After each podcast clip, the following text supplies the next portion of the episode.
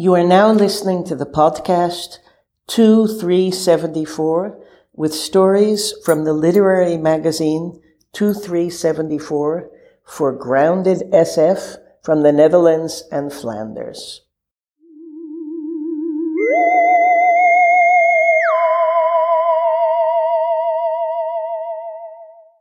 Who would wish to destroy the house of the Lord? A story by Jerry Goossens. After the great flood has washed up the entire country of the Netherlands, a group of Dutch survivors set foot on North African soil and build a new community. One day their beloved vicar dies. The moment he is buried, a new vicar arrives and he isn't cut from quite the same cloth. The church was almost full when the Van Bestevaars entered. In the back, near the entrance, where a breath of wind blew in from time to time, no seat was untaken. Nail was helping Mem to get to the front. There were still two empty folding chairs over there next to each other. Hans pointed out to his son the empty buffer seat between the Lindners and the Van Dullemans, who loathed each other as long as anybody could remember, though nobody remembered why. And during the inevitable encounters within the small migrant community, ignored each other as much as possible. Christian shuffled past the Lindner's family's knees sideways and sat down with a sigh, occupying the last free seat. Soon no space was left along the walls as well, and some of the faithful were forced to attend the service outside, listening to loudspeakers on the roof. When Brother Cavalaars played the first chords on the organ, an instrument which had once been in the Dutch living room and was persistently out of tune, they kneeled down in the sand and folded their hands. Inside, Vicar van Neerbos walked over to the lectern that served as a pulpit. He straightened his jabot, then gestured for silence. When only shuffling and coughing could be heard in the sweltering church, he started speaking. Dear congregation, the first offertory will be for the benefit of the air conditioning apparatus. We have nearly connected enough to make the purchase, though nonetheless I would like to encourage you, if you can afford it, to give generously so that we may soon be able to praise God at a temperature more in accordance with the kingdom of heaven than with hell. Furthermore, the church council will congregate this Friday, directly after the afternoon prayer. All of this, God willing.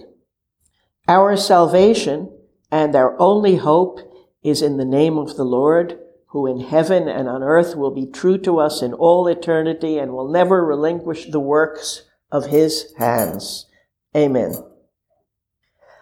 Brother Cavalaars started playing again. Drunken chords fluttered about the room, a noise that only became more unbearable when the unfaithful started singing, A mighty fortress is our God, at a pitch that in no way could be pleasing to the Lord.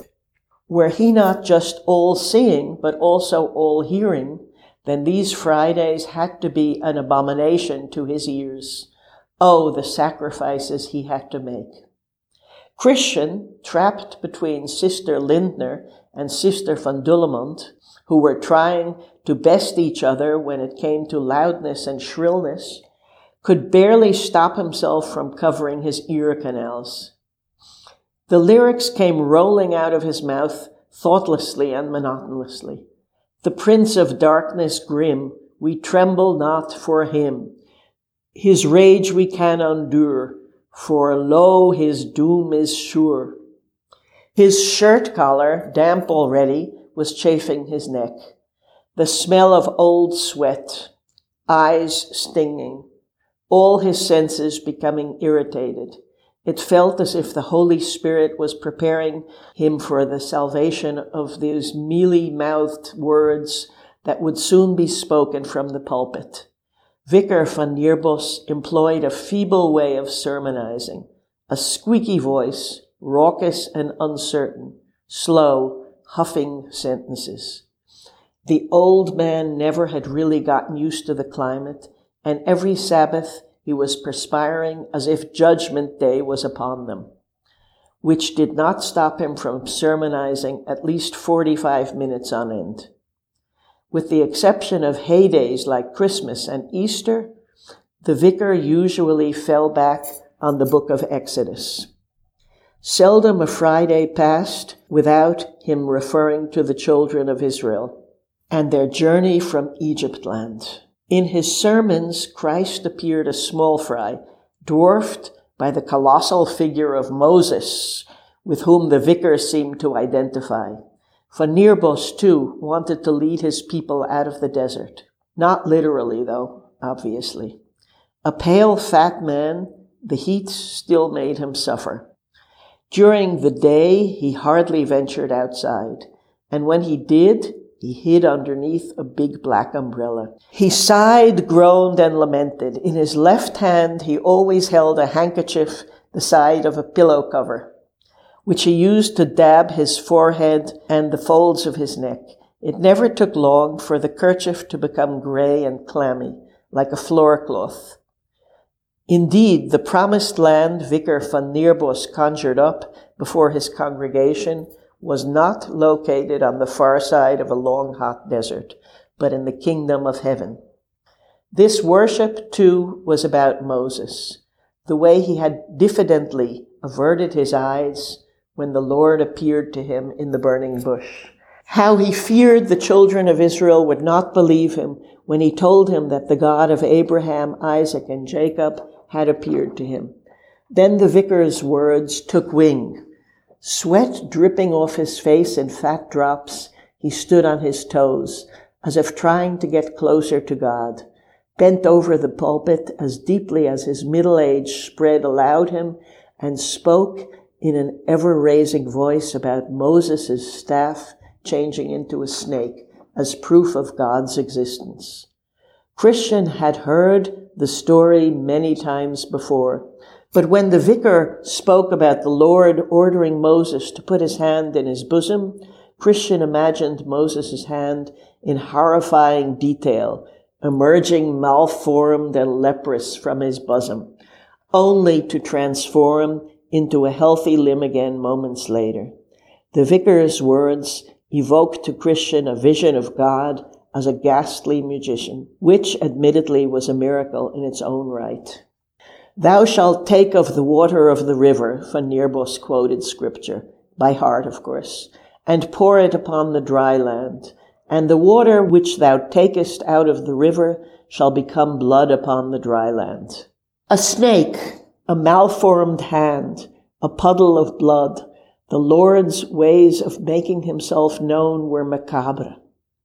The vicar raised his right hand and poked his finger into the air, while putting his left upper arm on the edge of the lectern and moving his weight even further forward.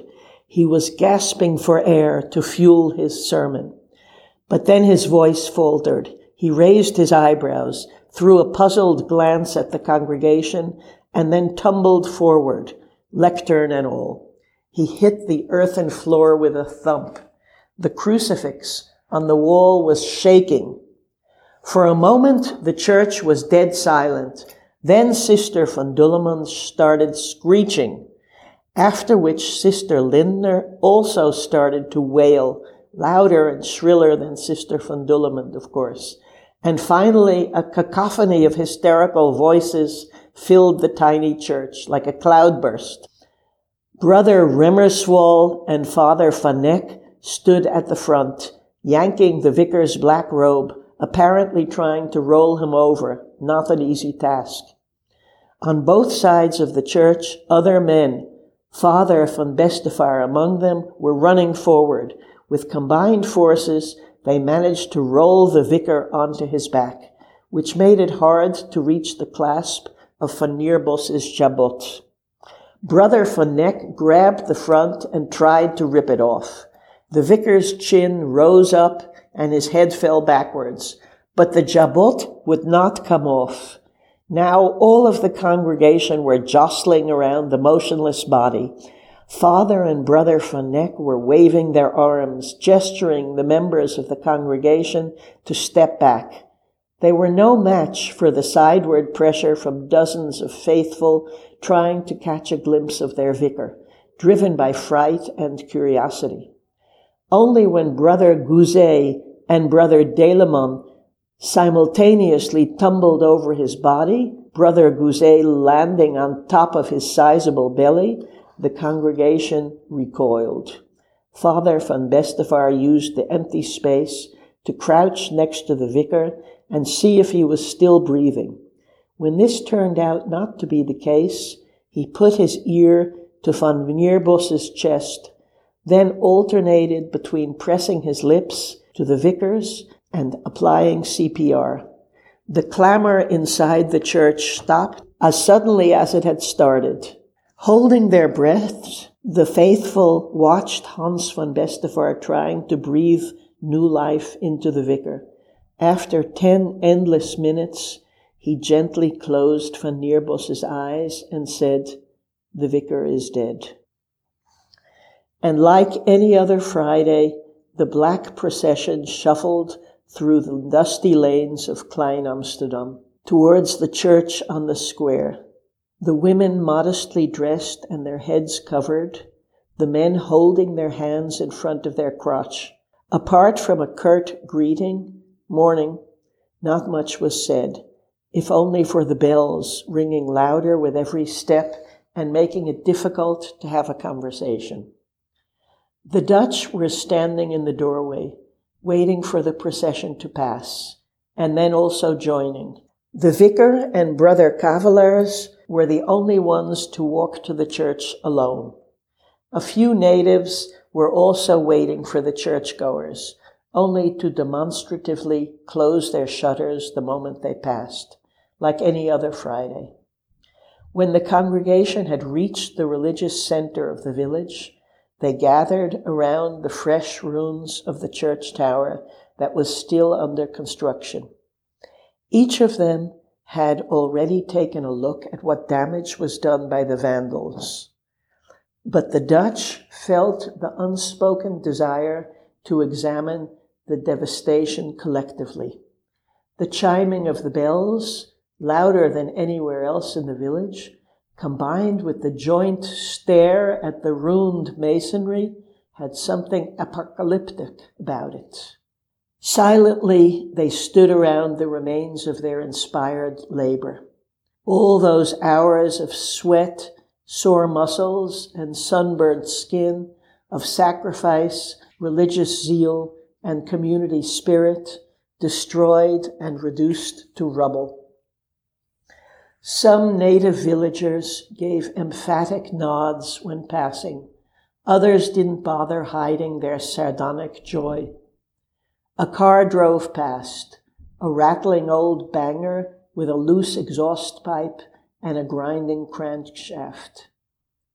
The hoarse tooting that came out definitely wasn't an expression of sympathy. Animals, that's what they are, shrilled Sister Gouzet. Animals who would wish to destroy the house of the Lord? The congregation murmured in approval. Who but the devil? The dismay that resounded in unison from the choir of bystanders now had notes of anger and resentment. Some were already eagerly looking over their shoulders to the minaret. But before the rage had the chance to escalate, a demanding voice bellowed over the square. Congregation! Standing in front of the entrance to the church was the new vicar, hands on hips, eyebrows raised. One by one, the brothers and sisters broke free from the gathering around the building site and made their way to the church. When they entered, the sight of a crucified ram shuddered through the congregation like an electric shock. Sisters were screaming, some nearly fainted. Mothers instinctively covered their children's eyes while staring at the obscenity hanging on the cross. From the lips of Brother Gouzet, a thunderous profanity escaped. Fucking hell! Some stood as if pinned to the ground. Others hurried outside where the vicar unrelentingly sent them back in. In the collective panic, frantically searching for their place in the dark room, few noticed the little billy goat standing underneath the cross. It had long curved horns growing from its head like wings. It had a coppery colored fur with a black band running over its bony back. Around its neck was a piece of rope tying it to the cross. Impatiently, it scraped its little hoof on the unpaved floor. Brother Cavalaars started singing his drunken psalm. Absent mindedly, the congregation joined in, but with a curt gesture of his arm, the vicar silenced them. The hush that followed was accentuated by the softly bleating goat. Brothers and sisters, the vicar spoke softly, almost whispering, yet every syllable that rolled from his lips could be heard clearly, even all the way to the back. Brothers and sisters, I do apologize for interrupting your psalm. I hope you will not hold it against me and that God may forgive me. But today isn't a day of singing. It isn't a day for melodies or sacred contemplation. You all have witnessed how the heathens dishonored our place of worship with their sacrifice to the devil. You have seen how they taunted and ridiculed the Son of God, our Savior. You have seen the bloody writing on the wall above his cross bearing witness to their wickedness. And you have seen what damage the heathens have done to our tower, erected by the sweat of our brow as a celebration of our union with the Lord. They have come like thieves in the night, these Vandals and Philistines, not to destroy our masonry, not to push over the stones, not to break down the scaffolding. No, brothers and sisters, this foul attack on our blessed work was a direct attack on our faith. It was a reckless attempt to defy and offend the Lord of hosts, to dishonor and slander him. With one single hair from his eyelashes, he could have beaten them to dust, those treacherous heathens, those filthy vipers. The Lord does not need us, poor sinners, to protect his holy name. The culprits, who will burn in hell for eternity anyway, will not escape their rightful punishment. The fierceness of his anger will not go unnoticed. Has not the living God driven out the Canaanites, the Hittites, the Hivites, the Perizzites, the Girgashites, the Amorites, and the Jebusites from the promised land all by himself? Would he then struggle with a bunch of desecrators? No, brothers and sisters, the Lord will give you every place that the sole of your foot shall tread upon, like the children of Israel. But remember, brothers and sisters, that the promised land, too, wasn't won without a fight. In Rephidim, Moses and Israel were attacked by Amalek.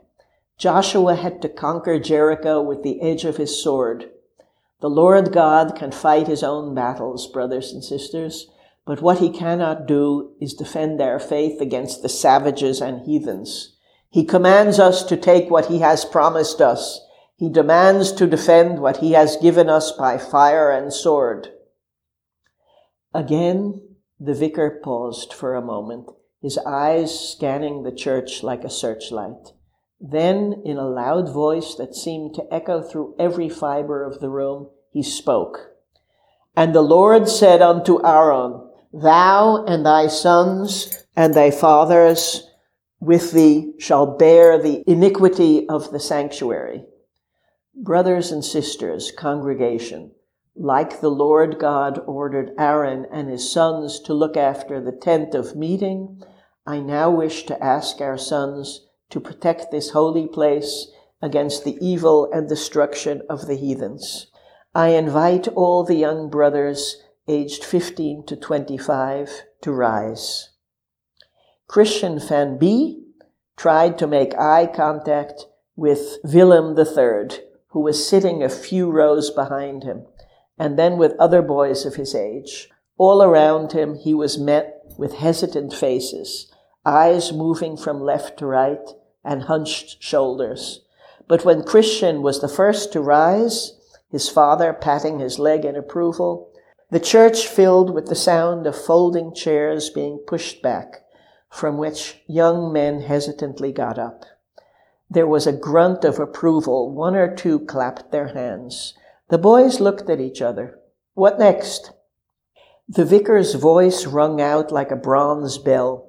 Up, sanctify the people, and say, Sanctify yourselves against tomorrow, for thus saith the Lord God of Israel, There is an accursed thing in the midst of thee.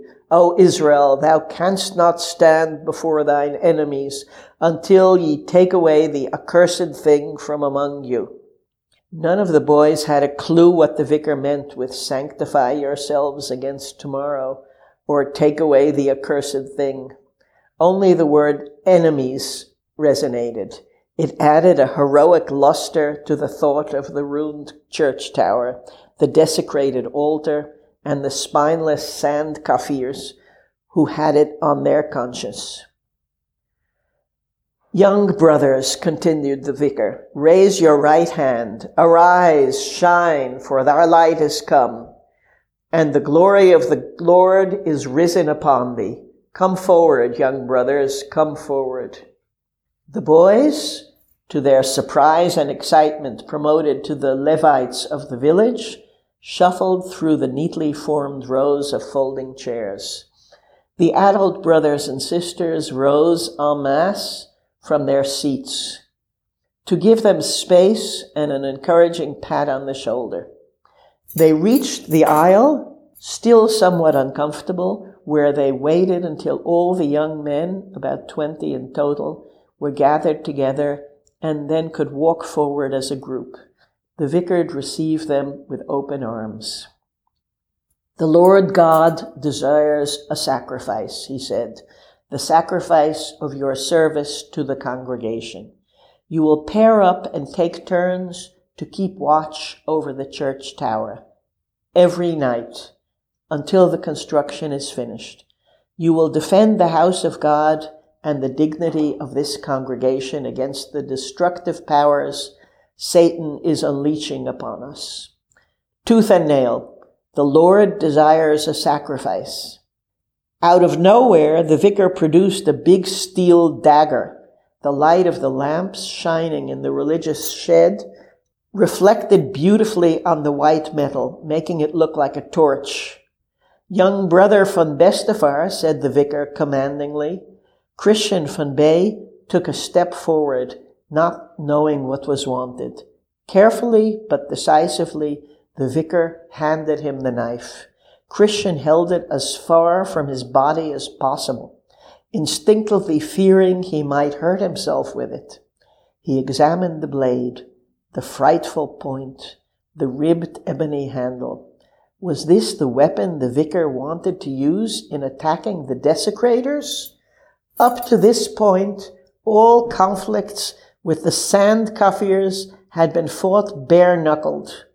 Once or twice, someone had thrown a stone or threatened someone with a piece of wood. But the people of Klein Amsterdam, as well as the native villagers, were gravely aware that the introduction of a serious weapon would lead to an escalation of violence. A consequence no one dared to think about for too long.